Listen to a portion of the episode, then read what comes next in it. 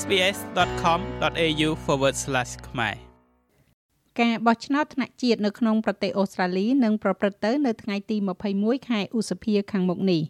តាមរយៈការស្ទង់មតិបង្ហាញថាប៉ា Labor នាំមុខគេនៅក្នុងការបោះឆ្នោតលើកនេះប៉ុន្តែអ្នកវិភាគនិយាយថាវាពិបាកនិយាយណាស់ថាអ្នកណានឹងឈ្នះពិតប្រាកដនៅយប់ថ្ងៃបោះឆ្នោត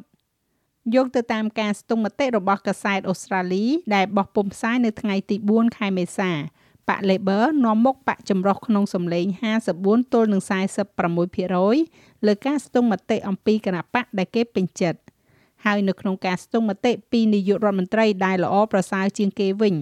មេដឹកនាំទាំងពីរគឺទទួលបានការគ្រប់គ្រងប្រដំប្រសងគ្នា ដោយលោក Scott Morrison នាំមុខលោក Anthony Albanese ត្រឹមមួយពិន្ទុប៉ុណ្ណោះគឺ43ទល់នឹង42% ប៉ុន្តែតើការស្ទង់មតិទាំងនេះបង្ហាញបានកម្រិតណា ថាតើគណៈបកធំមួយណានឹងឈ្នះនៅការបោះឆ្នោតខាងមុខនេះលោកសាស្ត្រាចារ្យរងផ្នែកនយោបាយនិងរដ្ឋាភិបាលនៃសាកលវិទ្យាល័យ Flinders លោក Hayden Manning មានប្រសាសន៍ថាការស្ទង់មតិបង្ហាញថាបក Labor នឹងឈ្នះប្រសិនបើការបោះឆ្នោតមួយត្រូវបានធ្វើឡើងនៅពេលនេះប៉ុន្តែលោកថានោះមិនប្រាប់ពីរឿងរ៉ាវពេញលេញនោះទេអឺ Labor are in front reasonably comfortably in the polls បក Labor គឺនាំមុខនៅក្នុងការស្ទង់មតិប៉ុន្តែកន្លងមកយើងឃើញថារដ្ឋាភិបាលស្ថិតនៅក្នុងទីតាំងស្រដៀងគ្នានេះហើយក៏បកត្រឡប់មកវិញជាពិសេសបន្ទាប់ពីពួកគេបានប្រកាសនៅកញ្ចប់ថវិការួចហើយពួកគេក៏ព្យាយាមព្រោះថាកញ្ចប់ថវិកានោះត្រូវផ្គប់ផ្គុនចិត្តអ្នកបោះឆ្នោតជាច្រើន វាបានចំណាយប្រាក់ច្រើនណាស់សាស្ត្រាចារ្យប្រវត្តិសាស្ត្រនៃសាកលវិទ្យាល័យជាតិអូស្ត្រាលី លោក Frank Bongiono និយាយថាមានហេតុផលផ្សេងទៀតដែលអ្នកអត្ថាធិប្បាយជាច្រើនមានការប្រុងប្រយ័ត្ននៅក្នុងការទស្សទាយអ្នកឈ្នះនៅឆ្នាំនេះ there's a kind of hesitation because of មានការស្ទាក់ស្ទើរខ្លះដោយសារតែលក្ខណៈខុសគ្នាខ្លាំងនៃអ្នកបោះឆ្នោតនៅពេលនេះអារម្មណ៍ដែលថាគណៈពេលដែលរដ្ឋាភិបាលមិនមានប្រជាប្រិយភាពជាទូទៅហើយប៉ា Labor ហាក់ដូចជាមានការងើបឡើង ស្ថានភាពគឺខុសគ្នាខ្លាំងនៅក្នុងរដ្ឋផ្សេងផ្សេងគ្នា តាមពិតគណៈបក Labor គឺមានសម្លេងគ្រប់គ្រងតិចជាងគណៈបកសម្ព័ន្ធភាពនៅក្នុងរដ្ឋ Queensland ហើយឈរនៅលើមូលដ្ឋាននៃការបោះឆ្នោតពីគណៈបកហើយនោះគឺជារឿងសំខាន់ព្រោះនៅពេលនេះគណៈបក Labor ទទួលបានអាសនៈត្រឹមតែ1ភាគ5ប៉ុណ្ណោះនៃអាសនៈក្នុងរដ្ឋ Queensland ជាមួយនឹងរដ្ឋ Queensland តំណាងប្រមាណជា30អាសនៈនៅក្នុងចំណោមអាសនៈសភាចំនួន151អាសនៈនោះ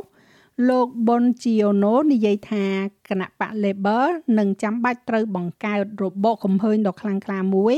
នៅក្នុងរដ្ឋនេះដើម្បីទទួលបាននៅសម្លេងភាគច្រើននៅពេលនិយាយអំពីនាយករដ្ឋមន្ត្រីដែលល្អជាងសាស្ត្រាចារ្យជាន់ខ្ពស់ផ្នែកវិទ្យាសាស្ត្រនយោបាយនៃសាកលវិទ្យាល័យ Queensland លោក Dr. Glenn Calford មានប្រសាសន៍ថាកាលពីអតីតកាល មេដឹកនាំប្រទេសនេះជាធម្មតាស្ថិតនៅក្នុងទីតាំងដែលគេពេញចិត្តច្រើនជាងនេះប៉ុន្តែពេលនេះមិនមានករណីបែបនោះទៀតនោះទេ in recent months we've seen Albanese ក្នុងប៉ុន្មានខែថ្មីថ្មីនេះយើងបានឃើញថាលោក Albany ភាពពេញចិត្តរបស់គាត់កើនឡើងហើយគាត់វាដាច់លោក Scott Morrison ក្នុងនាមជានាយករដ្ឋមន្ត្រីដែលប្រជាជនពេញចិត្តដូច្នេះហើយនោះជាការអភិវឌ្ឍគួរឲ្យចាប់អារម្មណ៍និងធំមួយ ហើយខ្ញុំគិតថារឿងជាច្រើនទាំងនោះវិលត្រឡប់មកបញ្ហាដែលយើងបាននិយាយគ្នាជុំវិញបញ្ហាទឹកជំនន់អគិភ័យក៏ដូចជាការឆ្លើយតបទៅនឹងโรគរាតត្បាតផងដែរដែលជាចំណុចដែលមានការរិះគន់ខ្លាំងដល់រដ្ឋាភិបាលហើយជាពិសេសគឺលោកនាយករដ្ឋមន្ត្រីផ្ទាល់តែម្ដងចរិតលក្ខណៈរបស់មេដឹកនាំនីមួយៗបានคล้ายទៅជារឿងសំខាន់ដោយលោក Albanese និងលោក Morrison ទាំងពីរនាក់ប្រឈមមុខទៅនឹងសម្ពាធ ដើម្បីឆ្លើយតបទៅនឹងការចោទប្រកាន់ពីការសម្លុតគំរាមកំហែងឬក៏ហៅថា bully មរណភាពរបស់សមាជិកព្រឹទ្ធសភាបក Labor លោកស្រី Kimberly Kitching នៅក្នុងខែមីនាបាននាំឲ្យមានការចោទប្រកាន់ថាលោកស្រីត្រូវបានមិត្តរួមការងារ bully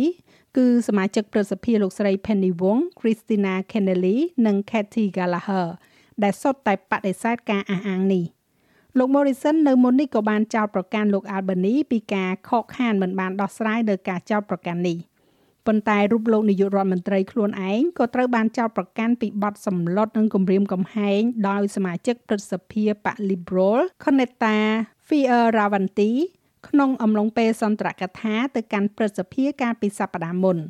លោកស្រី Jackie Lambie និងសមាជិកព្រឹទ្ធសភាបក One Nation លោកស្រី Pauline Hanson ក៏បានគ្រប់គ្រងការអះអាងពីការសម្លុត bully ដោយលោក Morrison ដែលទាំងអស់នេះលោកក៏បានបដិសេធរួចហើយផងដែរហើយថ្មីថ្មីនេះលោកនាយករដ្ឋមន្ត្រីបានច្រានចោលនឹងការអះអាង ដែលថាលោកបានធ្វើការកត់សម្គាល់អវិជ្ជមានអំពីអ្នកដែលមានដើមកំណើតមកពីលីបង់នៃគូប្រជែងមុនពេលជ្រើសរើសឆ្នាំ2007របស់លោកសម្រាប់កៅអីនៅតំបន់ខុក សាស្ត្រាចារ្យរងមែននីងនិយាយថាចរិតលក្ខណៈរបស់មេដឹកនាំគណៈបកទាំងនេះនឹងនៅតែជាប្រធានបទដ៏សំខាន់នៃយុទ្ធនាការបោះឆ្នោត It's unusual for voters to see a វាមិនមែនជារឿងធម្មតាទេសម្រាប់អ្នកបោះឆ្នោតដែលផ្ដោតយកការយកចិត្តទុកដាក់ទៅលើចរិតលក្ខណៈរបស់មេដឹកនាំខ្លាំងដោយដែលលេចឡើងនៅពេលនេះប៉ុន្តែដោយនិយាយថាវាពិតជាអាចទៅរួចនៅពេលដែលយុទ្ធនាការចាប់ផ្ដើមវានឹងផ្ដោតទៅលើបញ្ហាដែលមេដឹកនាំទាំងពីរកំពុងតែព្យាយាមនិយាយថាមែនហើយភាគីម្ខាងទៀតនឹងអស់សង្ឃឹមនៅក្នុងការគ្រប់គ្រងសេដ្ឋកិច្ចហើយយើងនឹងពូកែនៅខាងនោះ ហើយវានឹងមានសំណួរដោយដែលខ្ញុំបានលើកឡើងមុននេះថាតើអ្នកណាអាចធ្វើបានល្អជាង ខាងផ្នែកសុខភាពហើយប៉ុណ្ណាស់នឹងលើវិស័យអប់រំជាដើមបញ្ហាបំរែបំរួលអាកាសធាតុបានក្លាយទៅជាកង្វល់ដ៏ធំមួយក្នុងចំណោមអ្នកបោះឆ្នោតជាមួយនឹងភាពខុសគ្នារវាងអ្នករស់នៅទីក្រុងរស់នៅជាក្រុងនិងនៅតំបន់ជនបទ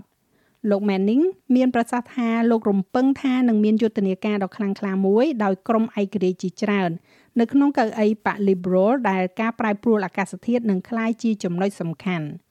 ហើយមនុស្សមួយចំនួនធំកំពុងតែប្រកាន់យកនៅវិធីសាស្ត្របោះឆ្នោតមុនកាលកំណត់រួមទាំងការបោះឆ្នោតតាមប្រៃសណីដែលតាមទំនៀមទម្លាប់គឺជាវិធីរបស់អ្នកបោះឆ្នោតដែលមានវ័យចំណាស់ចំណាស់និងអ្នកអភិរក្សនិយម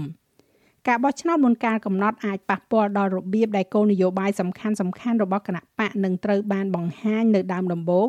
ហើយធ្វើឲ្យវាកាន់តែពិបាកនៅក្នុងការកំណត់ចំនួនចុងក្រោយនៅយប់បោះឆ្នោតដុកទ័រ Cafford មានប្រសាសន៍ថាការបោះឆ្នោតសហព័ន្ធមុនមុននៅក្នុងប្រទេសអូស្ត្រាលីគឺជាការប្រកួតប្រជែងដ៏ប្រកៀកប្រកិតគ្នា ហើយការកើនឡើងនៃការគ្រប់គ្រងសម្រាប់បេក្ខជនឯករាជ្យក៏កំពុងតែចាប់ផ្ដើមផ្លាស់ប្ដូរលក្ខណៈនៃនយោបាយដែលវាមិនមែនសម្រាប់តែគណៈបកធំធំទាំងពីរនេះនោះទេលោកនិយាយទៀតថាវានឹងคล้ายទៅជាបញ្ហាប្រឈមមួយនៅក្នុងការតាក់ទងជាមួយនឹងអ្នកបោះឆ្នោតបន្ទាប់ពីការលាតត្រដាងរបស់អ្នកនាង Britney Higgins ស្ដីអំពីវប្បធម៌នៅក្នុងសភាសហព័ន្ធនិងវិបត្តិទឹកជំនន់ភ្លើងឆេះព្រៃនិងរោគរាតត្បាត many many people are មនុស្សជាច្រើនមានការនឿយហត់យ៉ាងខ្លាំងចំពោះនយោបាយដោយដែលយើងដឹងហើយថាមិនមែនដោយសារអ្វីអ្វីគ្រប់យ៉ាងដែលយើងធ្លាប់ឆ្លងកាត់នោះទេប៉ុន្តែជាការមិនពេញចិត្តជាទូទៅចំពោះផ្នែកផ្សេងផ្សេងនៃលទ្ធិប្រជាធិបតេយ្យអូស្ត្រាលីហើយពួកគេកំពុងស្វែងរកអ្វីដែលប្លែកអ្នកអត្ថាធិប្បាយខ្លះនិយាយថាវាអាចទៅរួចដែលថាការបោះឆ្នោតសហព័ន្ធនេះអាចនឹងមានលទ្ធផលដែលត្រូវព្យួរសភា វាមានន័យថាទាំងបក Labor និងបកសម្ព័ន្ធ Liberal និង National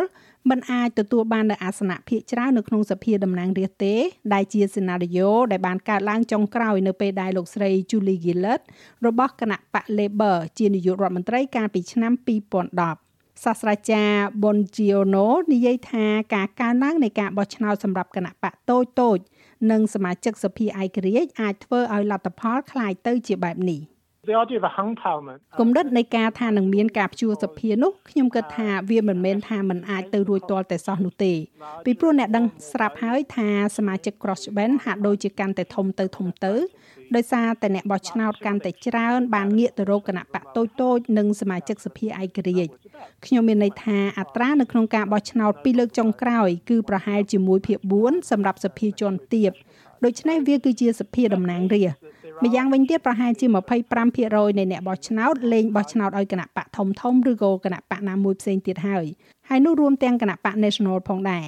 ដូច្នេះមានន័យថាមានឱកាសនៅទីនោះសម្រាប់សមាជិកសភាឯករាជ្យនិងគណៈបកតូចតូចចាស់ហើយរបាយការណ៍នេះចងក្រងឡើងដោយ Arena Lucente និង Biva Kwan សម្រាប់ SBS News ហើយប្រាយសម្រួលសម្រាប់ការផ្សាយរបស់ SBS ខ្មែរដោយនាងខ្ញុំហៃសុផារ៉ានីចូលចិត្តអ្វីដែលអ្នកស្ដាប់នេះទេ Subscribe SBS ខ្មែរនៅលើ Podcast Player ដែលលោកអ្នកចូលចិត្ត